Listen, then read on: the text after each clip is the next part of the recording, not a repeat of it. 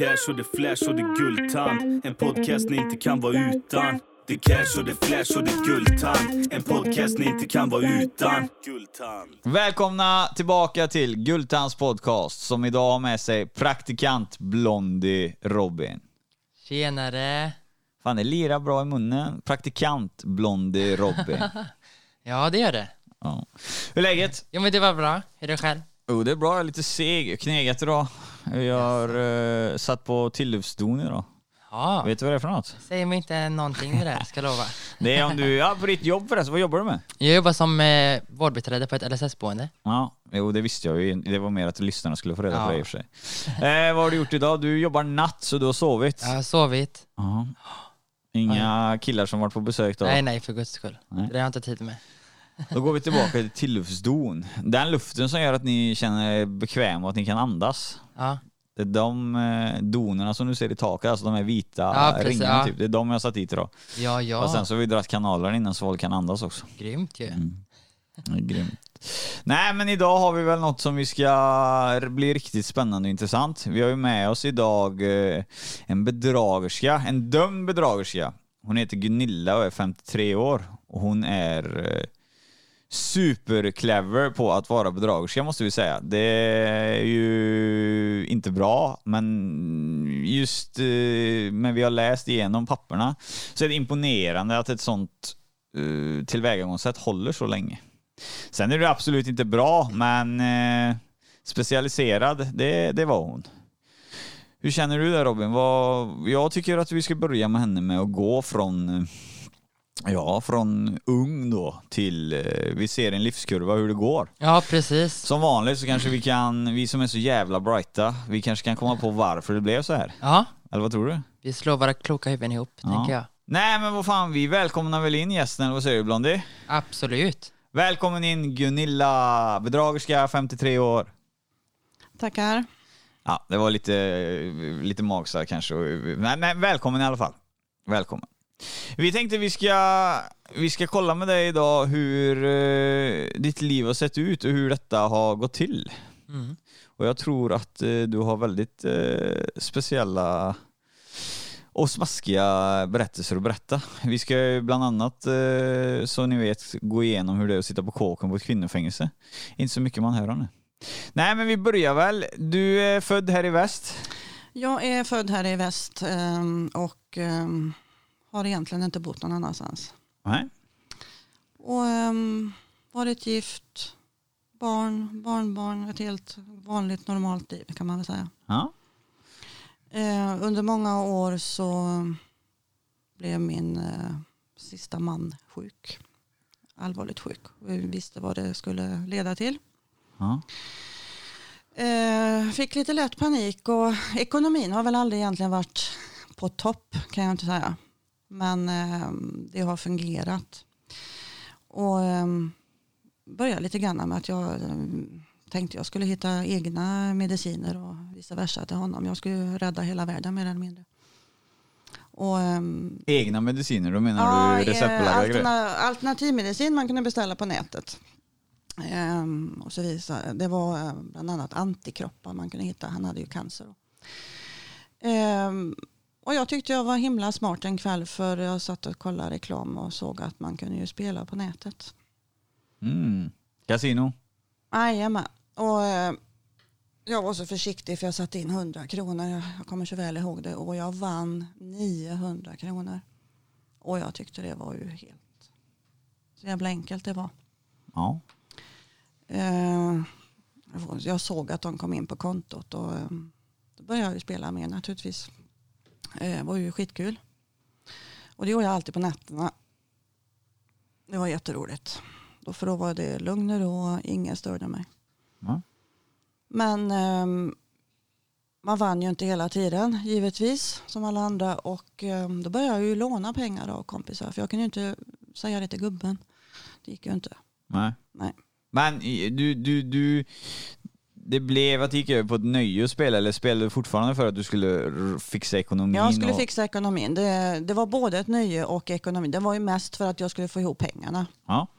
Och jag vann stora summor eh, många gånger. Och Istället för att betala tillbaka till folk och så. Nej, då shoppade jag. Det var jättekul en stund. Köpa nya möbler och, och så vidare. Så att, eh, och jag beställde medicin till han som var helt meningslös. Så, ehm, det förstod jag sen, men det glömde jag. För sen var jag ju totalt fast. I spelet? Jajamän, jag glömde. Jag kunde spela när som helst på dagen.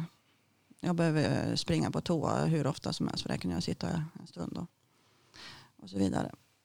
Och så blev ju folk och bekanta förbannade till slut för de fick ju inte tillbaka pengarna heller.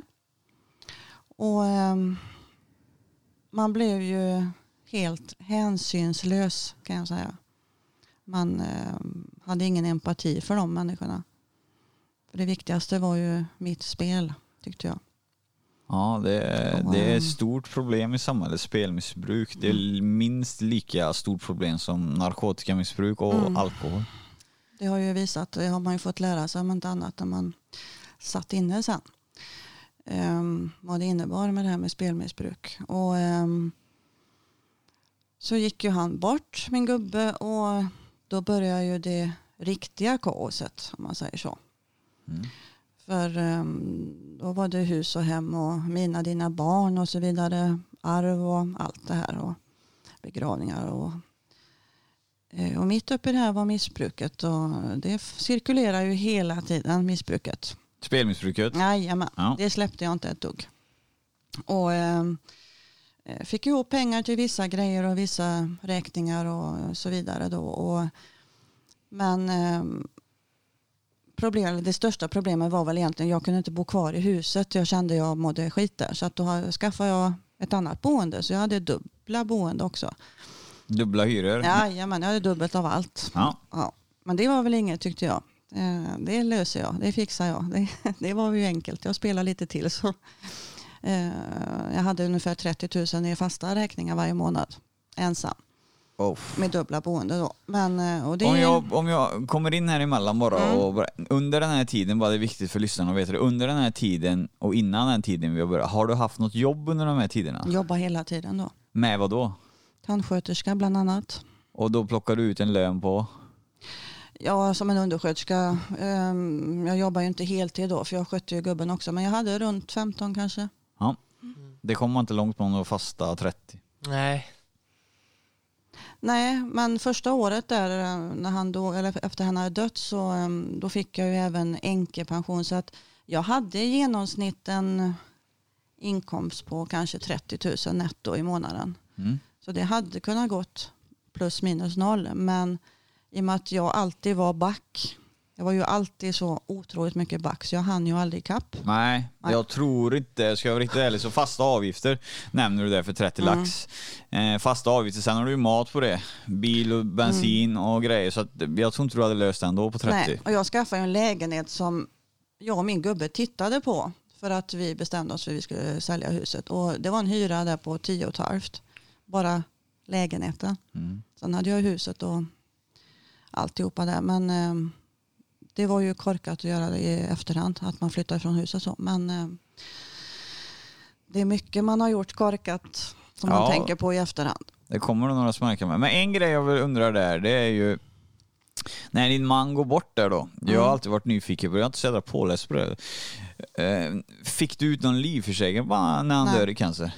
Eh, Jag fick en liten summa. ehm, Tyvärr, eh, som alla trodde, eller även advokaten som jag skaffade, att man skulle få eh, begravningshjälp, för det har ju de flesta idag, men det hade inte ens han. Så att jag fick eh, betala begravningen helt själv. Eh, Och ehm, fick en liten försäkring på 60 000 tror jag. Och lika mycket fick hans barn då. Och det fick ju jag ha till räkningar. Ja. Sen ehm, har jag hans eh, tjänstepension som jag får varje månad. Och det har jag hela tiden. Nu med? Mm. Ja. Vad ligger den på?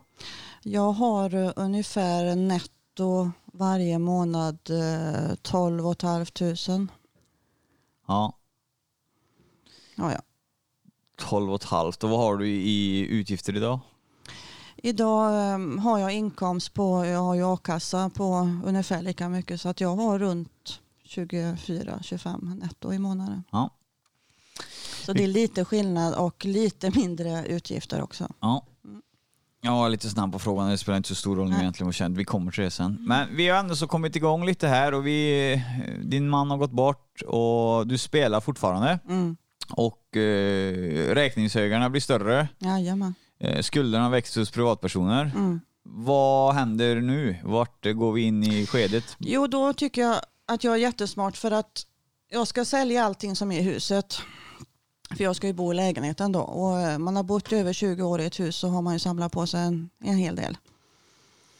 Och eh, det började med, jag har ju aldrig haft en tanke på att imorgon ska jag börja och bedra folk.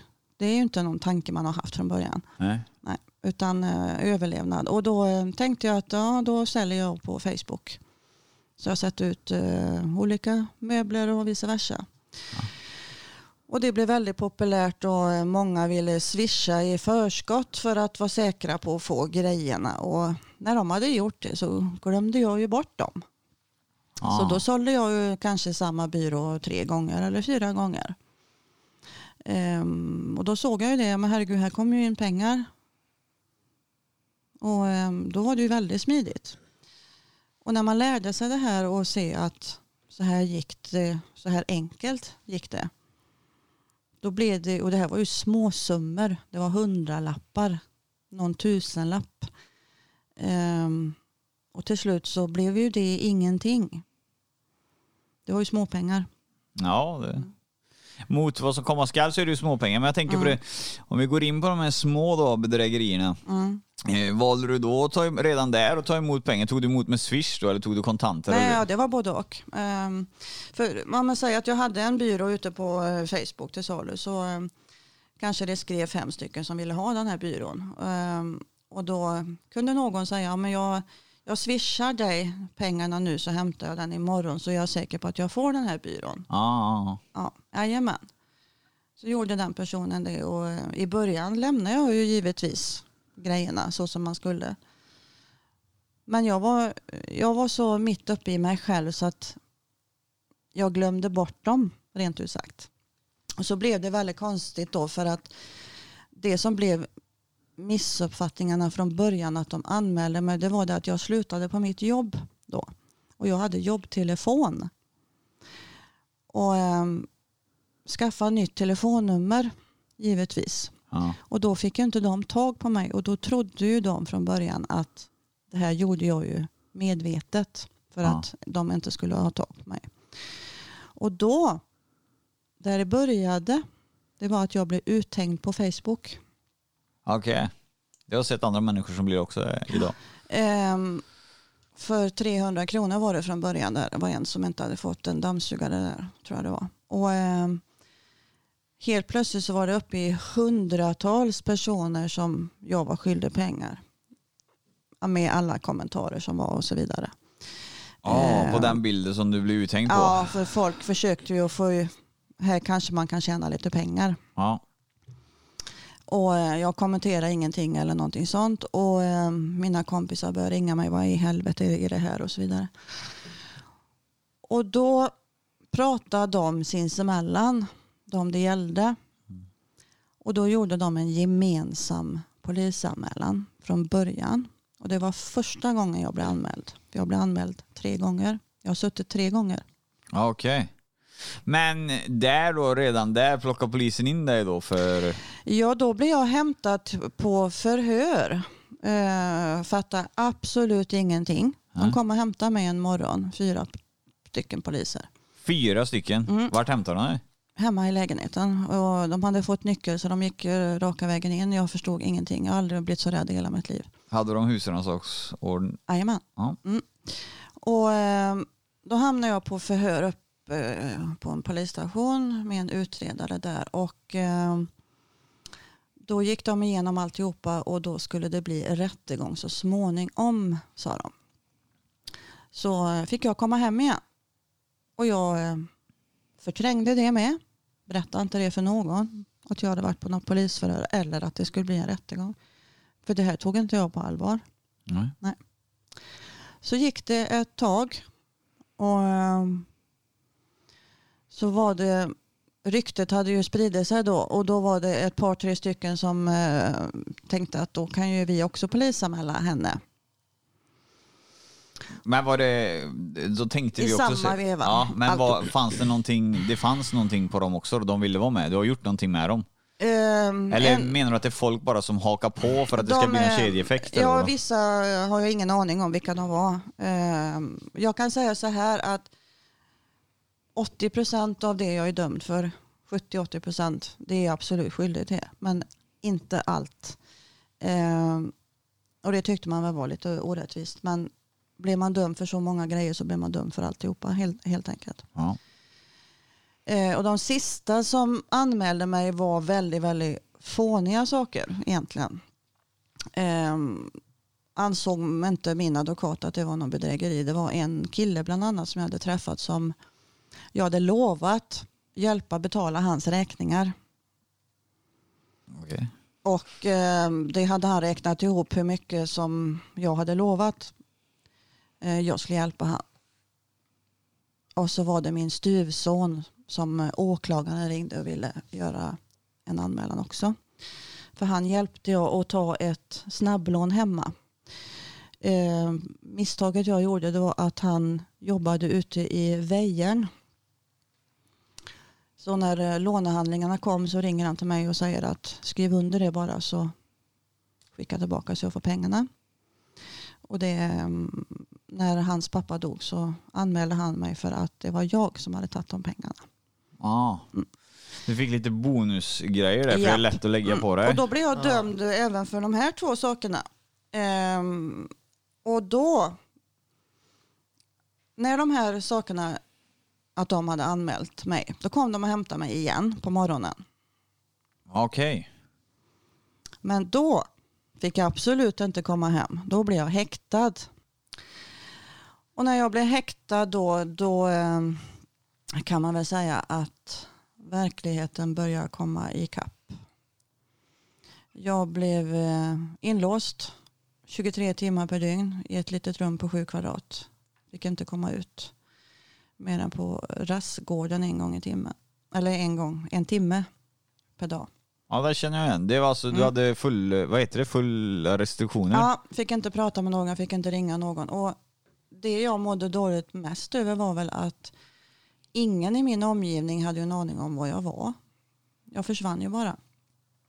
Eh, Jag fick inte ringa någon, fick inte prata med en själv mer än advokaten. Så det kändes ju lite konstigt. Ingen tog hand om min lägenhet och räkningar, allting sånt cirkulerar i huvudet. Men nu ska vi, nu ska vi ta det här eh, lugnt och fint här.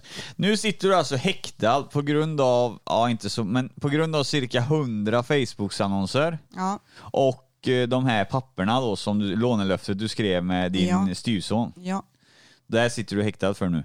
Ja. Blondie, du är, lite, du är lite sugen på häktet. Du vill veta lite hur det Ja. går till där. Har du någonting du Ja, kan? men jag undrar, men jag tänker, hade du bara tillgång till att gå ut med på rasten eller fick kunde du typ röka där eller fick du eh, På gymma? rasten? Ja, men vad heter det då?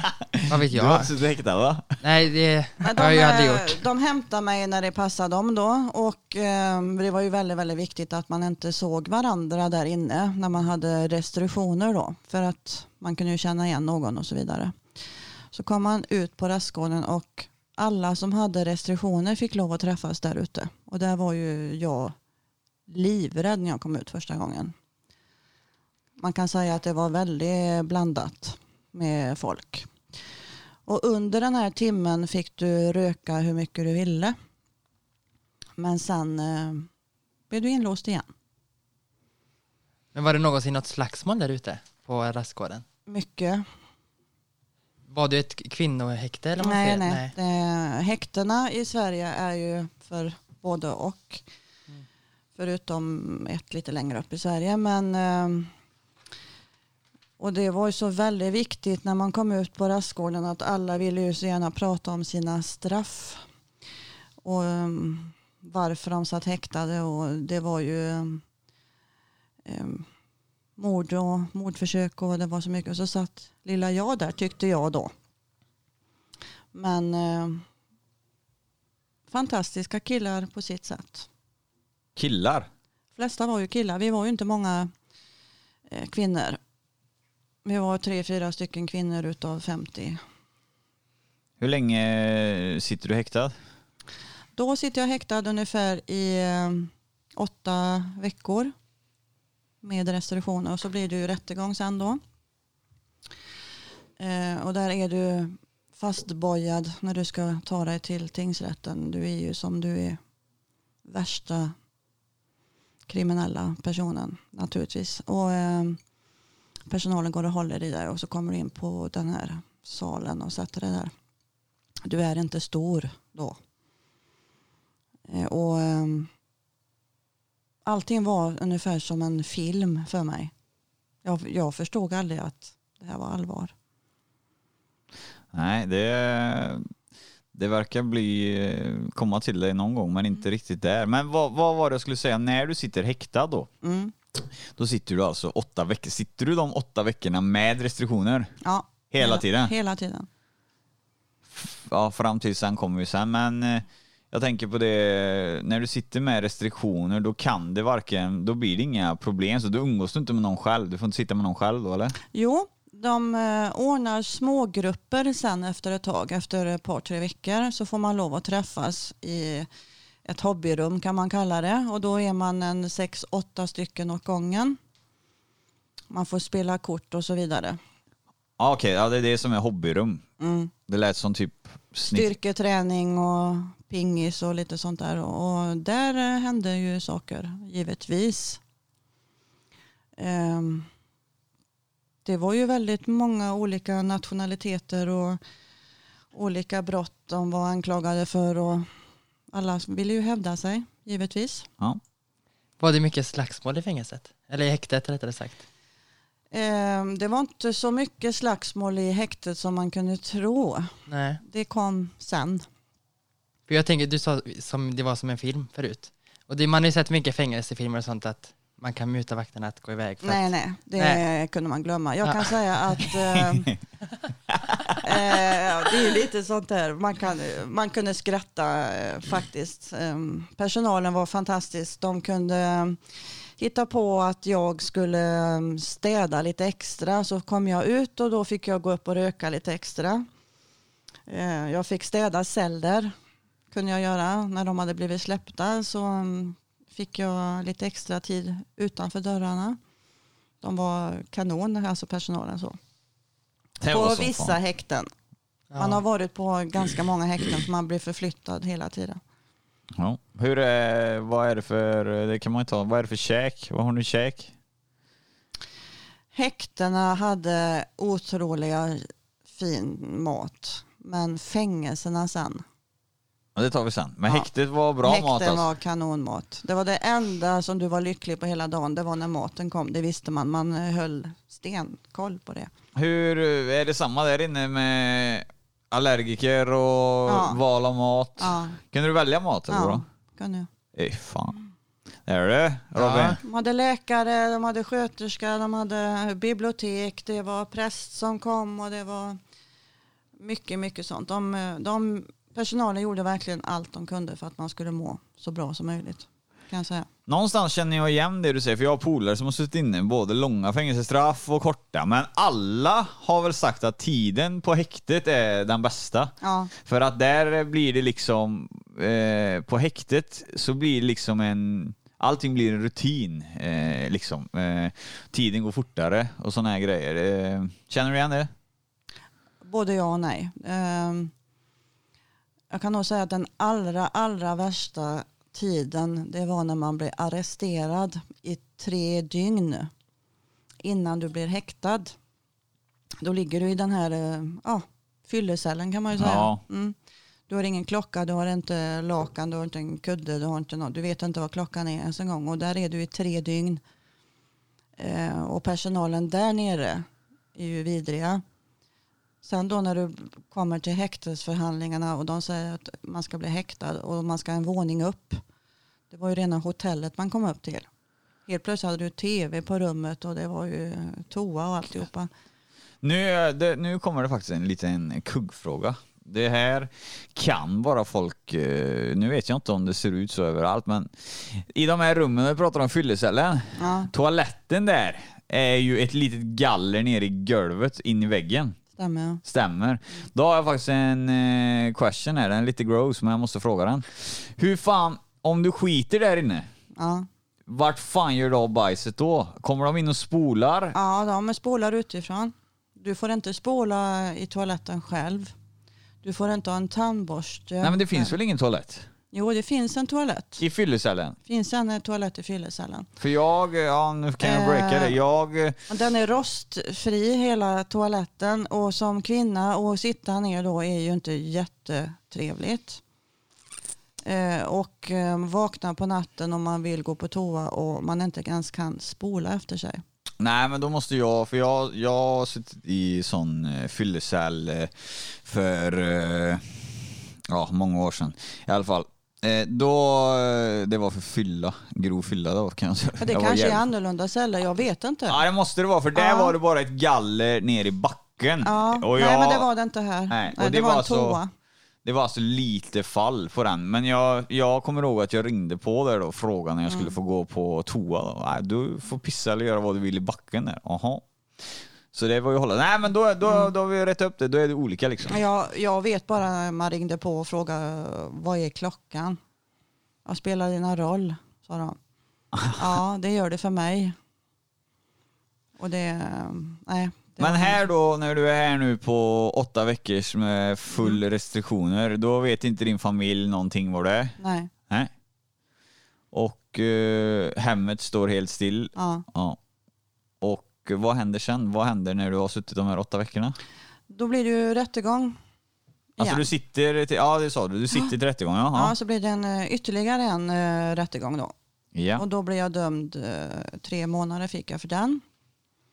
Och då hade jag suttit häktad så länge så att då blev jag ivägskickad ner till Göteborg till en öppen anstalt. Du har suttit två veckor häktad då? Två månader häktad. Hade jag Ja, suttit, åtta fan veckor. räkningen alltså jag håller på med. Alltså. Ja. Ja. fyra, ja förlåt. Så jag hade drygt två och en halv vecka kvar på straffet. För man sitter ju inne i två tredjedelar. Och då kom jag ner till den här öppna anstalten och det var första gången jag såg en anstalt. Och jag tyckte ju det, den var förfärlig då men det var ju som en koloni egentligen. Det var ju inga staket eller att det var låst någonting någonstans. Så det, det fixade jag ju galant och kom hem efter två och en halv vecka var det. Fri. Fri. Livet var ju toppen och då hade jag överklagat den första domen som där alla de här hade anmält mig. Och den skulle upp till hovrätten i augusti då. Och eh, allt var lugnt, frid och så var jag hemma i en och en halv månad och så under den här en och en halv månad så träffade jag en kille och Eh, en mycket, mycket påstridig kille. Han ville att jag skulle flytta in till honom efter två veckor och så vidare och ehm, var väldigt uh, hetsig så. Och ehm, då ville han även att jag skulle anordna hans trädgård för han hade precis byggt hus och så satte han över pengar till mig. Och jag började anordna, anordna den här trädgården. Och då ehm, avslutade jag alltihopa på kvällen i, i och med att jag eh, tyckte att allting gick för fort. Och då sa han till mig det att då skulle han göra en polisanmälan för han visste att då åkte jag in igen. Och eh, jag tog väl inte så allvarligt på det. Men eh, nästa dag så kom det fyra poliser, samma poliser och hämtade mig igen. Och då blev jag återigen häktad. För eh, då kallade de det romansbedrägeri denna gången. Eh, Att jag hade förmått honom att sätta över pengar till mig. Ja, vänta lite här nu. Eh, han ringer på, på kvällen där alltså, de kommer hämta dig den dagen efter. Ja, för han polisanmälde mig då på kvällen och sa då att jag hade lurat han på pengar. Och, så då blev jag häktad igen och då fick jag sitta häktad fram till nästa rättegång som blev med honom då. Och där blev jag dömd till ytterligare fyra månaders fängelsestraff. Med motivering till varför gjorde de det? att det var romansbedrägeri. Jag hade förmått honom att sätta över 40 000 kronor till mig. Eh, och det fanns eh, sms-trafik och det fanns kvitton eh, på kontoutdrag och sånt att jag hade köpt saker till honom. Men det räckte inte tyckte de. Och i och med att jag var dömd innan så var det totalt meningslöst. Eh, och då måste vi tänka där, hur länge var du tillsammans med den här killen? Hur länge har ni umgåtts då? Fyra veckor ungefär. Fyra veckor? Han satt redan över 40 lax? Mm. Någonting var du bra på?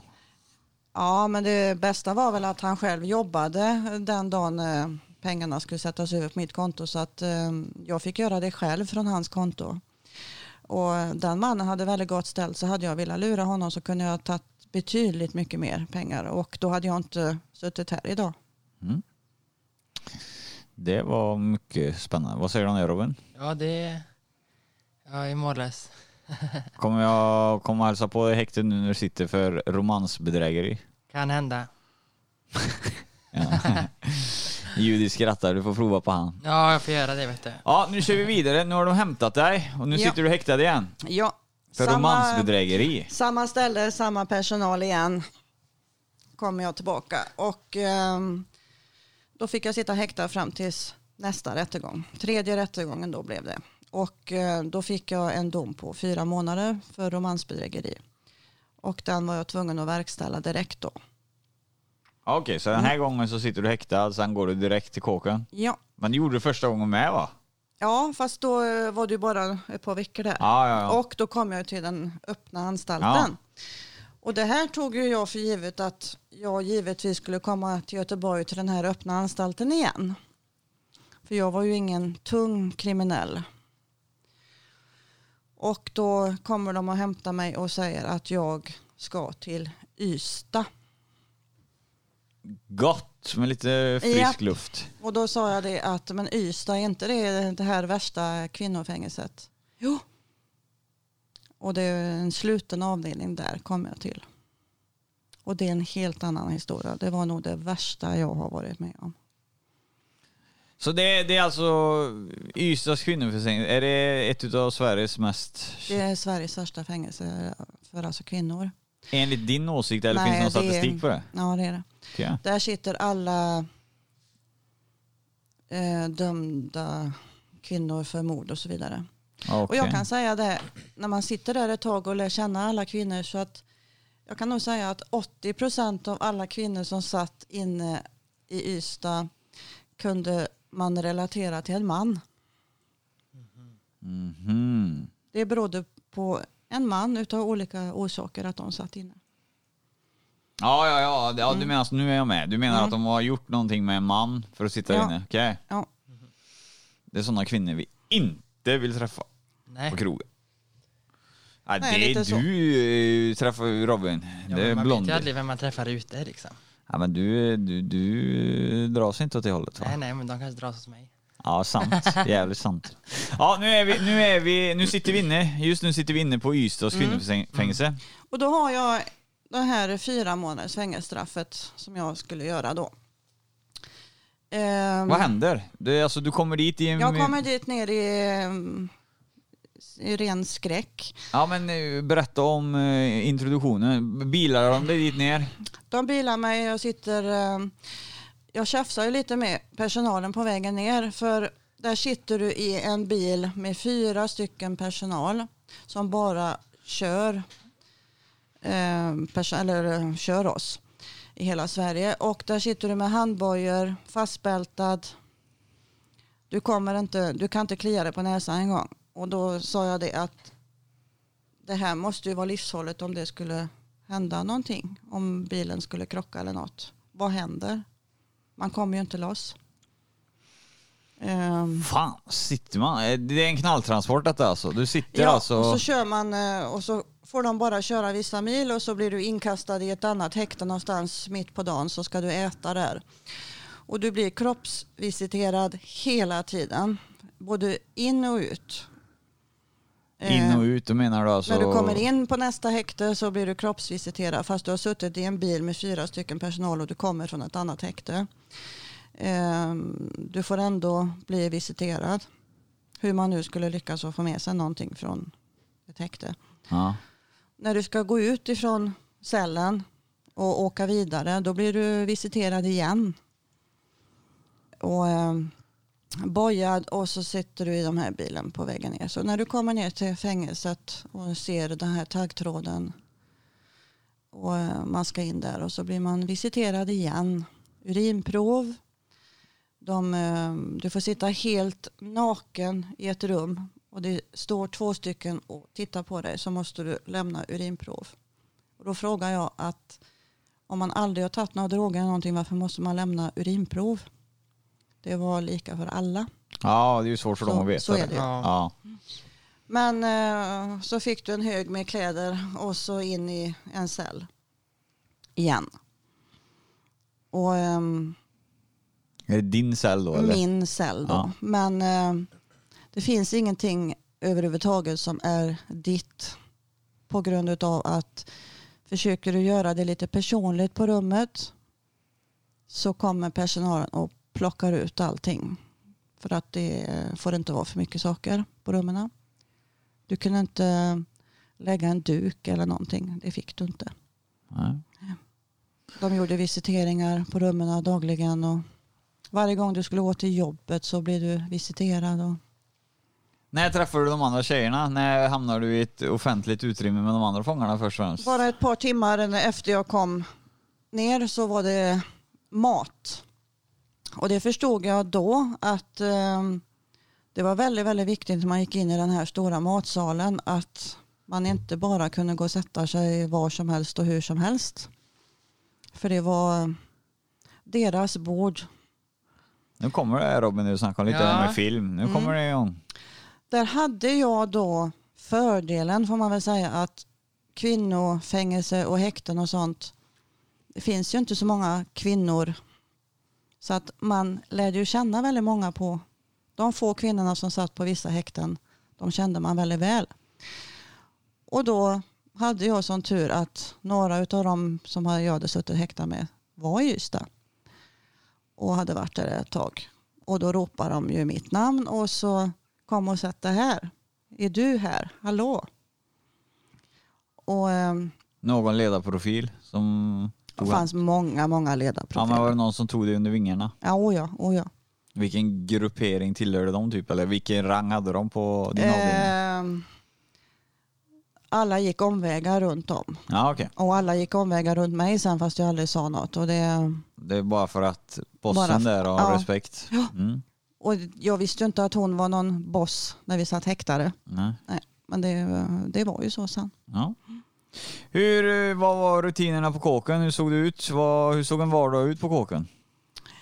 Ja, det var att de kom och väckte dig varje morgon och det var inte det att de knackade innan de öppnade dörren utan de låste bara upp kvart i sju. Så gick de rätt in i cellen och väckte dig. Och då em, skulle du ut och äta frukost. Mm. När du hade ätit frukosten så var det in och ta på sig så skulle du ut och arbeta. Vad serverades för frukost? Där em, fick du plocka själv. Det Buffé? Var, ja, det var det alltid. Och em, Nej, var det, var det ägg och bacon och sådana grejer? mycket sånt. Vad i helvete? Och det var lunch och det var middag. Så det var två eh, stora måltider varje dag. Så att eh, man gick ju upp i vikt en del. Fan, det här kommer reta sprang. folk. Det här kommer reta folk. det, eh, det var mycket, mycket mat, mycket frukt och mycket sånt där. Sen eh, kom man ut till det värsta stället då. Det var ju arbetsplatsen som man eh, var tvungen att vara. Ehm, du fick inte säga att du inte orkade eller att du var trött eller inte mådde bra för då fick du rapport. Ja, men vad leder det? För jag, jag, som sagt, jag känner några som sitter inne. Mm. Och vissa utav de här har vägrat att arbeta. Men ger det, kan det ge längre straff? Japp, det var en tjej som eh, arbetsvägrade, en ganska ung tjej. Hon fick, fy, vänta nu, hon fick sex veckors påbackning på sitt straff. Och det bestämde personalen där nere, chefen på fängelset. Fan, det låter... eh, Nu måste jag fan mig vara lite kritisk här. Är det någonting som du har hört? För det där måste väl gå via en tingsrätt, att de dömer henne? Nej, nej. Det här, ehm, de hade man hade mycket, mycket möten med personalen där. Eh, de bestämde totalt, de, de hade all makt över dig. Mm. Eh, när det gällde permissioner och permissionsstegar och allt mellan himmel och jord. Det, det bestämde de precis när och var och hur. Okej. De sa alltid till en det att ni ska inte tro att det är lag på att du ska ha permission. Det är upp till oss om du får, får det. Okej, Mm. det var nytt för mig, men är det så så är det så. Mm. Vi är på, vi är på, eh, på väg ut och jobba. Mm. Vad hade du för arbetsuppgifter? Som alla andra. Vi, eh, då var vi 65 kvinnor. Från ålder 18 till eh, 74. Wow. 74? Ja. Den äldsta kvinnan som var 74 och satt inne för misshandel på sin man. Eh, The fuck? Ah, ursäkta, förlåt, Ja, så man säga. Ja. Eh, ja, och eh, hon var en liten försiktig liten dam och hon fick ändå blomsterbud eh, med jämna mellanrum ifrån gubben. Så att jag ja, vet det inte. tror fan det. Eh, då står man i en stor eh, hög, en stor kö och så ska man gå igenom visitationen innan man går ut. Så kommer man ut till fabriken och där står man och paketerar stringhylor till Ikea. Svarta eller vita eller bruna i olika tvåpack eller enpack och så vidare. Kåkprodukter från Ikea alltså? Kan man lugnt säga. Och, eh, till jul var det mycket Panduro. Och, eh, det var ju kameror överallt utom på ett ställe. Och där eh, visste ju alla om de ville diskutera med någon så gick de in i det här hörnet. Och där hände ju en hel del. Och larmet gick minst två gånger varje dag. Och när larmerna gick så eh, blev vi inlåsta allihopa. Lockdown. Mm, och då kom nog all personal springandes också. Det spelar ingen roll vad det var för något. Och eh, om två stycken bråkade, om den ena tjejen satt och drack en kopp kaffe och den andra tjejen kom och slog ner henne, då kom båda på isoleringen. Okej. Och där kunde de sitta upp till en vecka. Den är inte så rolig. Sitta Nej. en vecka. Nej. Vet du Robin, isolering? Vet Ja, du? det har jag hört talas om. Vad är isolering? En isoleringscell för dig, vad är det? Ja, men du... Jag hör ingen, ser ingen, du, jag vet inte vad klockan är. Du, ligger på, du får väl ligga på typ en madrass bara. Ja. Och så är det ett Eller- övervakningsrum. De sitter och Ja, kan se dig precis. hela tiden. Har du suttit i isolering? Nej. Jag fick inte en enda rapport och jag hamnade aldrig på isoleringen. Och, eh, fördelen var där nere då för att tiden skulle gå och så vidare så kunde man sticka och virka och det kom jag igång med ganska rejält. Och, eh, de, de unga tjejerna de skrattade i början för att jag satt och stickade och virka och det slutade med att jag hade ofta sex stycken tjejer inne på mitt rum. Så eh, vi hade stickmöte. Och, ehm, så alla kom igång och sticka och virka där sen. Ja, fan vad Mm. trevligt. Mm. Roligt. Vad tror du om det? Har du någonting Robin som du vill sticka in? På, Ja. Nu verkar det komma igång här. Nu är, vi har jobbat, vi jobbar. Det är vi kvar på. här. Hur länge jobbar man på en dag? Du jobbar från halv nio till halv fyra ungefär. Och då kan jag säga så här att när jag får reda på att jag tänker ju så här först då. Jag har en och en halv månad, det fixar jag på det här straffet. Så får jag reda på att de vill verkställa det första straffet så fort som möjligt, det jag fick på 14 månader. För då hade jag varit på hovrätten och fick samma dom där på 14 månader. Och um, få reda på då att du ska sitta inne 9 av de 14. Då fick då rasade jag ihop totalt. Och veta att jag inte kommer hem på ytterligare nio månader. Men nu, nu måste jag någonstans fråga dig. Nu, när vi var här, nu, nu är vi i Ystad. Mm. Fick du inte fyra månader först? Jo, men då hade jag den andra, den första domen liggandes och då valde jag istället för att komma hem ett litet, litet tag och Ja. veta att jag skulle ställa in mig på det andra straffet. Ja. Det hade jag aldrig fixat mentalt. Nej. Så då valde jag att inte åka hem emellan utan då, då sa jag det att jag tar alltihopa på en gång. Ja, då kommer den nya domen när du sitter inne. Ja. Ja, Mm. Och då räknar de på det bara. ja okej. Så nu helt plötsligt ska du sitta 14 månader där då? Ja, det blev det totalt. Totalt ja. Vi säger att du ska sitta 10 månader nu Mm. då. Du, Mm. du har suttit innan fyra i Ystad. Vi är på stickning och virkning med tjejerna på rummet. Ja. Det jag börjar förstå som att det börjar bli rätt trevlig stämning. Eller? Eh, tidvis är den jättetrevlig.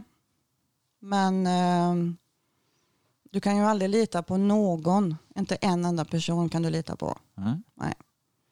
Och eh, helt plötsligt kan den personen som du sitter väldigt, väldigt nära med kan bara resas upp och mm, hälla kokande tevatten i ansiktet på någon och så vidare. Det var ju mycket sånt som hände. Och vad gjorde personalen då? De ringde inte eh, till sjukhuset eller något utan de stängde in personen i fråga med brännskador i ansiktet och eh, lät oss ta hand om den. Ja, lite film Robin. Det är Ja, lite det- sånt där man mm. ser. eh, Verkligen. fan heter den nu igen, den serien? Orange is the new black tror jag du menar, eller? Ja, den skulle jag sitta och mima på här och säga Ja. det, men sen tänkte jag nej, jag ska inte säga för det finns en annan serie också. Aha. Men jag måste ändå så fråga dig, det är någonting som jag har satt, suttit och funderat på här nu under tiden när vi... Ni får ursäkta er lyssnare, jag, ibland så kommer man på lite grejer efterhand, men det dyker upp mycket nytt här så att... jag- Du, vi är tillbaka på det här straffet, jag kan inte släppa det riktigt. Du får ju 10 månader extra då om jag räknat rätt, för du säger ju 14 månader. Ja, stämmer. Ja, men de här 10 månaderna du får extra där, du blir ju dömd, du får ju den, din dom när du sitter redan. Det är ju Ja. på grund av att du inte vill åka hem.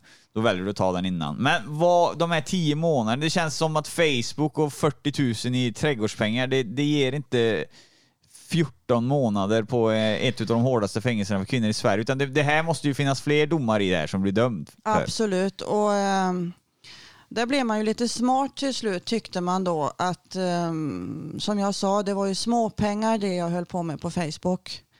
Um, det var ju hundralappar och någon, någon tusenlapp. Så um, köpte jag en bil utav en man på Facebook.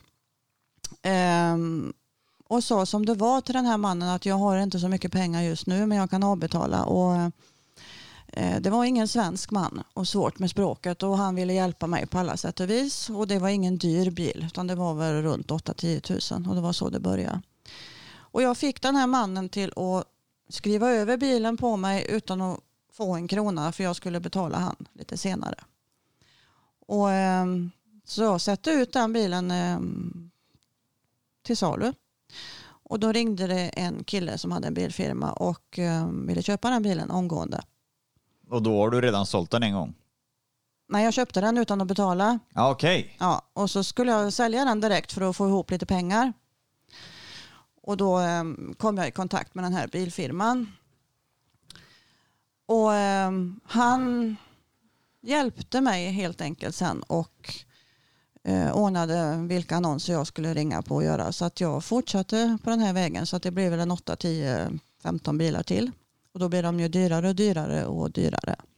Och fick då alla de här personerna att skriva över bilarna på mig utan att få en enda krona. Och vissa gjorde jag låtsasbanköverföringar till och att de skulle komma in nästa dag. Och, ehm, men de fick ju aldrig några pengar. Och så kom den här bilfirman och hämtade bilen och så fick jag lite grann av pengar då. För jag fick ju aldrig bilets värde. För de tjänar ju hand på då. Nu går vi in på grova bedrägerier här.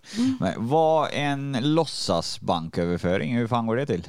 Då kunde jag lägga in en betalning att den skulle dras nästa dag. Och det gick alldeles utmärkt att lägga in den överföringen den dagen. Att det skulle finnas på den andra personens konto nästa dag. Så när den personen åkte hem så tog jag bort den betalningen helt enkelt. Då drar de inget. Nej. Nej. Och Men då har ändå så personen fått en visuell bild av dig Ja. antagligen på att Japp. du har satt över pengarna. Ja. Smart men jävligt obehagligt. Och Men- det blev ju um, totalt kaos med detta sen. Så 15 bilar och de blir dyrare och dyrare. Vi snackar ju, vi är uppe på miljonbelopp här snart. Ja. Och det är den här, eh, det är de här bilaffärerna då som ger dig Bland de här. annat då eh, bilaffärer i och med att de var så många som gick och anmälde då och då, därför blev det det här långa fängelsestraffet. För i vanliga fall när man blir dömd första gången så får man oftast samhällstjänst eller böter. Men jag fick inget av det utan jag fick fängelsestraff. Ja men det är ju för att du är dömd innan då. Nej, inte den första domen då, den långa. Det, var första domen. Och den fick jag 14 månader för. Okej, ja. Fast jag aldrig hade varit dömd innan då. Men andra domen och tredje domen blir man ju dömd automatiskt då. ja. Men jag, vi pratade lite innan här och det vill jag ändå så fördjupa mig. De här bilaffärerna på köparna. Det var, du specialiserade just på en sorts människor där på grund av att det skulle bli lättare.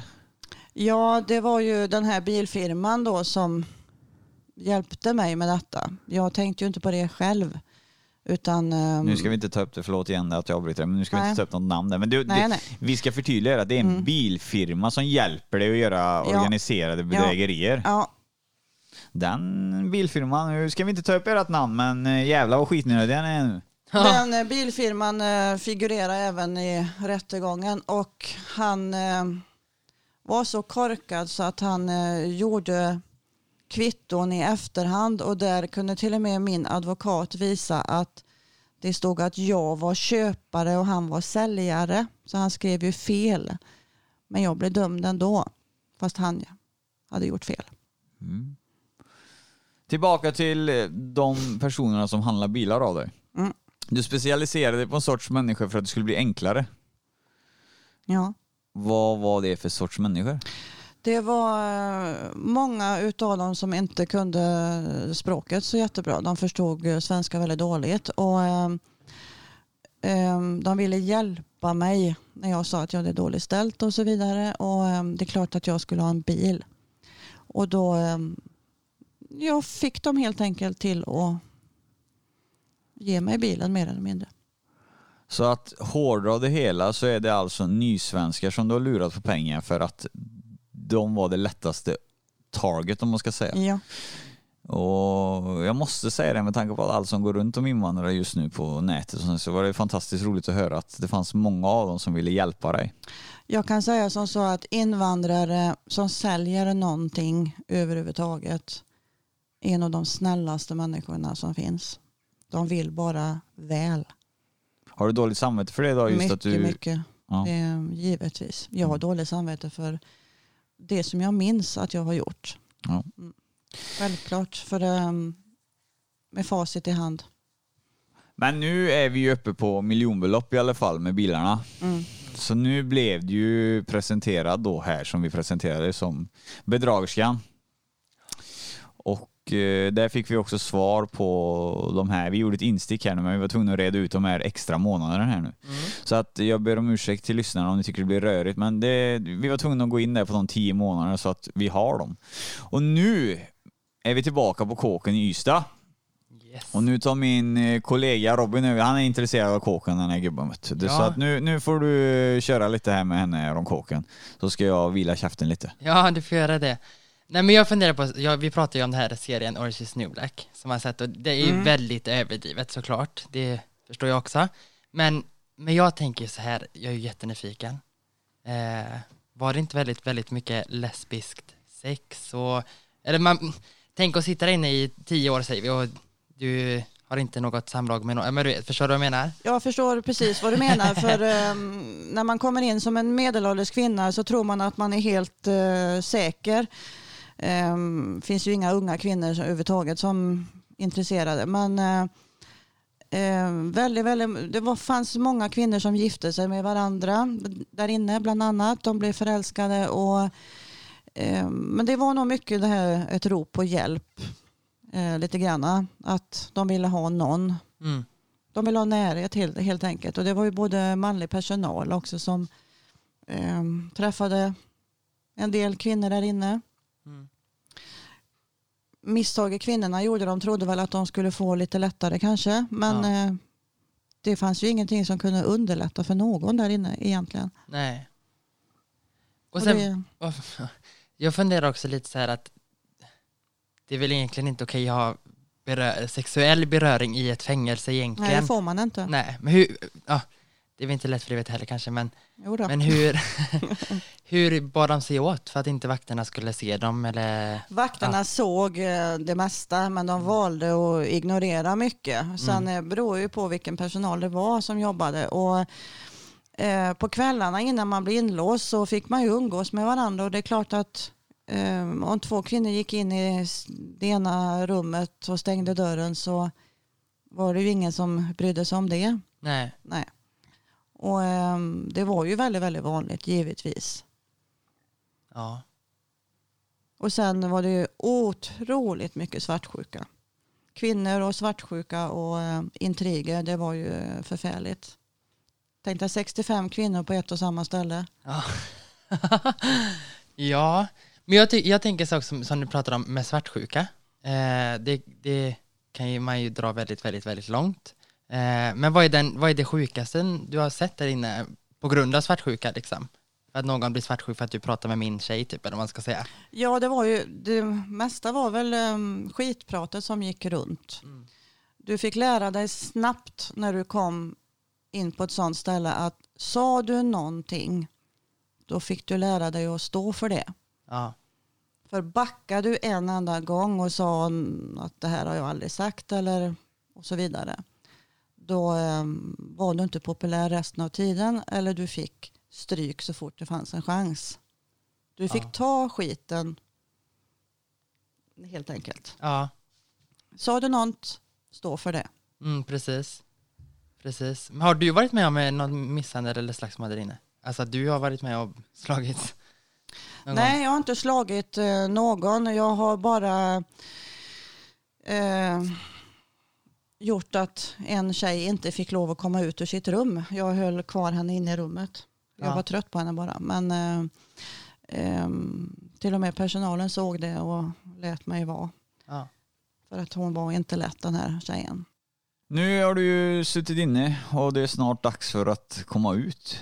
Känns det som, för vi har gått igenom rätt mycket på kåken. Mm. Det är snart dags att komma ut. Vi, vi ska ju ta, det här är ju rätt, eh, det här är ju rätt färskt alltså. Du sitter ju här idag och du är fri, vi, ursäkta, du vad fan, villkorligt frigiven. Ja, stämmer. Eh, och eh, så att under, under den här tiden, det är ju, folk kanske inte har förstått det, men skedet har ju varit att eh, det är bara under de här åren som detta har skett. alltihopa, allt som skedde från första domen till andra, eller till det sista, man säger tills jag har suttit, har varit i en period på två år. Ja. Eh, varken gjort någonting innan eller efter den Nej. här tvåårsperioden. Så jag kom hem, de sista månaderna fick jag fotboja hemma. Och det sa ju alla att det är nog det värsta man kan göra, att komma hem med fotboja, att man inte får gå någonstans. Men det var paradiset att komma hem till sin stora lägenhet tyckte man. Eh, första gången jag skulle gå på toa så stod jag utanför och väntade på att den skulle öppnas. För du fick ju inte öppna en enda dörr där nere. Så man var lite tafatt. Men av allt att döma här nu, eh, kände du det nu då att med tanke på att du hamnade där du hamnade, lärde du dig en läxa av detta? Jag kommer aldrig någonsin i hela mitt liv utsätta mig eh, för det här och för någon annan igen. För jag miste väldigt, väldigt mycket under tiden. Barn, barnbarn och så vidare eh, tog ju jättemycket stryk. Eh, Har en jättelång bit kvar men eh, är på god väg. Och det viktigaste för mig idag det är ärlighet, ärlighet och ärlighet. Ja. Och eh, du säger att du är på god väg med din eh, familj och barn och grejer så att eh, vad tror du, tror du att du kommer lösa det? Tror du att det kommer bli som vanligt igen i livet? Ingenting blir som vanligt igen, någonsin. Um, först och främst så miste jag min man efter många år som jag inte hann att sörja ens en gång. Och, eh, man miste hus och hem och alltihopa. Men livet kommer att bli bra, det vet jag. Jag är mm, helt hundra på att livet kommer bli bra. Det kommer aldrig bli så likt men det kommer bli bra. Men ditt namn lär ju vara printat hos Kronofogden överallt eller? Mm, Eh, mm. Register här och var. Hur ja, känns i det? fem år till. Fem år till. Hur, eh, hur är det läget idag? Du har en lägenhet idag? Ja, jag har haft samma hem hela tiden. Okej, men du har fortfarande den här pensionen du pratar om Mm. eller? Ja. Jajamän. Så att det har betalat Ja. räkningar under tiden? Mm. Så att du, du gick egentligen ut, du gick hem från kåken, du gick bara hem? Ja, och sen hade jag en eh, väninna som jag kände sådär. Eh, för jag hade ingen större val som fick hjälpa mig att ta hand om eh, lägenheten under tiden och mina räkningar och mitt konto och alltihopa. Och, eh, så där fick jag tillbaka kan jag säga att eh, hon tog det jag hade på mitt konto. Så att jag miste 96 000 på vägen. Okej. Så hon har eh, bedragit mig istället. Ja, det är en helt annan historia. Men där fick du annan. smaka lite på egen Japp. medicin då. Japp. Jag känner att vi har fått ett grymt avsnitt. Jag valde att vara helt tyst och helt eh, där en stund så du fick känna på det lite Robin. Ja, precis. Men jag tror att du kommer komma in i detta bra. Ja då, det är nog inga bekymmer. Jag tycker det är bra jobbat av alla idag och eh, vi, eh, jag känner att, ja, bedragerskan, det avsnittet har vi gjort och Ja. vi har fått med mycket om hur det är att sitta inne på ett kvinnofängelse.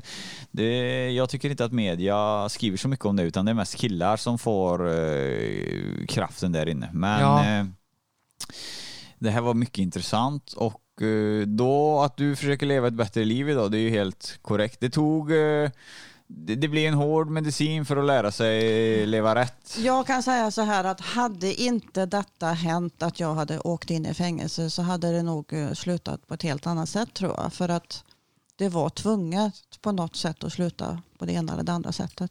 Ja, du är känd där i krokarna och det är ju många som har sagt det att eh, hade det inte tagit ett stopp så kan ju du gå hur långt som helst. Japp. Och det att du kan gå hur långt som helst, det menar jag inte med, det menar jag inte med att eh, du är kapabel till att göra vad som helst, det menar jag med att du har hjärna för att göra bedrägerier på miljonnivå. Mm. Eh, och det vet jag att eh, det finns andra som tycker också och eh, just därför var det väldigt intressant att ha med dig för att eh, ska man prata med någon som gör bedrägerier så ska man prata med någon som fan gör bedrägerier och Ja. inte lura någon på tuggummi och sådana grejer. Sen så, eh, vi är ju helt åsiktsfria här så att jag gör ingen bedömning. Det är klart som fan att mycket du gjorde där är superfel, absolut. Men till en början, det här med när det går över på Facebook och sådana här grejer, det, det, och lura folk, det är aldrig bra. Men ja, i det här fallet så, det, det är aldrig bra, men jag såg ju i början där varför du gjorde det. Det var ju för mediciner och sådana här grejer. Det var för en bra sak, men du Ja. gjorde det på jävligt fel sätt. Och det tror jag att du vet om idag. Absolut. Och det enda jag kan säga som jag sa hela tiden när man satt inne, alla tyckte den ena eller den andra var så himla smart. Och då sa jag det att ingen av oss är väl speciellt smart när vi sitter här. Nej, det, Eh, de då smarta hade man ju kriminella är varit på ute. utsidan har man var så jävla smart. Precis. Eh, vi vill tacka dig som fan för att du kom hit och eh, jag hoppas att du når dina mål med din familj. Ja. Det är jag helt övertygad om att jag gör. Grymt. Och jag mina kära lyssnare och vänner, det här var alltså superbedragersen Gnilla53. Hon har delat med sig av sin spännande resa. Sen om den är rätt eller fel, det tror jag alla gör en egen bedömning av. Eh, ja Robin, vad säger du? Blondie, förlåt, Ja, förlåt, Blondie, förlåt, ja. förlåt, förlåt. Blondie. Vad säger du? Jo men det var, jätte, alltså, det var jätteintressant att lyssna och man glömde nästan lite bort att fråga frågor för att man ville hellre lyssna på vad hon hade att berätta. Aha, Så. jag kände också det blev Ja. en jävla story som Ja. man fick typ så- jävlar, du jävlar ja, du kanske ska fråga någonting Ja. efteråt nu. Precis. För ibland när hon pratar färdigt då satt man typ bara, aha, kommer det inte mer typ. Ja men precis. Det var, det var ett jävligt bra avsnitt och jävligt intressant att få reda på lite inom för murarna på kvinnofängelse. Ja. Det hör man inte så mycket om. Det är mest killar, tungt kriminella killar som kommer ut med stories. Ja, precis. Men här, eh, jag vet inte om, jag klassar inte henne som tungt kriminell, men hon satt ju med tungt kriminella. Ja, Både kvinnomördare och liknande, så de har säkert sett en del och det är säkert därför det inte finns så mycket reportage om KK, för det händer mycket grejer som man Ja. inte vill ha ut och det hörde vi i hennes förklaringar. ja precis, precis. Men jag är nöjd med dig med. Du är ju poddpraktikant Blondie här hos Ja, mig. Du är här precis. och praktiserar, men jag tycker du växer för varje avsnitt. Tack så mycket. Och man ser att dina hjärnceller jobbar på eh, och att du är redo för frågor. Så jag tror att det här kommer bli en kanonpodd i framtiden. Det tror jag också. Du ska ju vara med med i några avsnitt här för att boosta upp lite. Ja, precis. Och du är ju specialiserad på HBTQ-världen och sen så är du en stark förebild i den världen också. Det är många som följer dig och Ja. tycker att du är grym. Ja, så är det. Och det ska vi ta nytta av. Alla ska kunna lyssna på podden och eh, sen så är du lite mer påläst om mig nu vad som händer på sociala medier och de här jävla apparna som kommer Ja. upp och grejer och Precis, jag är det. ja. Så att eh, det här blir skitbra. Men eh, vi avslutar här. Jag känner mig jävligt nöjd så fan, ni får ha en trevlig dag och jag hoppas att ni älskar avsnittet. Det kommer mer grejer, så häng kvar. Och där ni ska följa nu och grejer, jag vet inte hur många jag ska säga det, men in och följ Gultans podcast på Instagram. Det är där ni ser allting vad som händer och sker.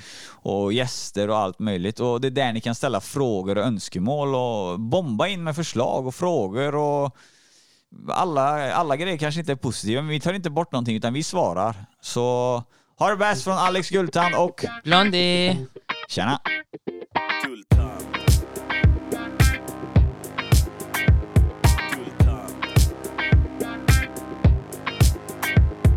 Det är cash och det är flash och det är En podcast ni inte kan vara utan. Det är cash och det är flash och det är En podcast ni inte kan vara utan. Guldtand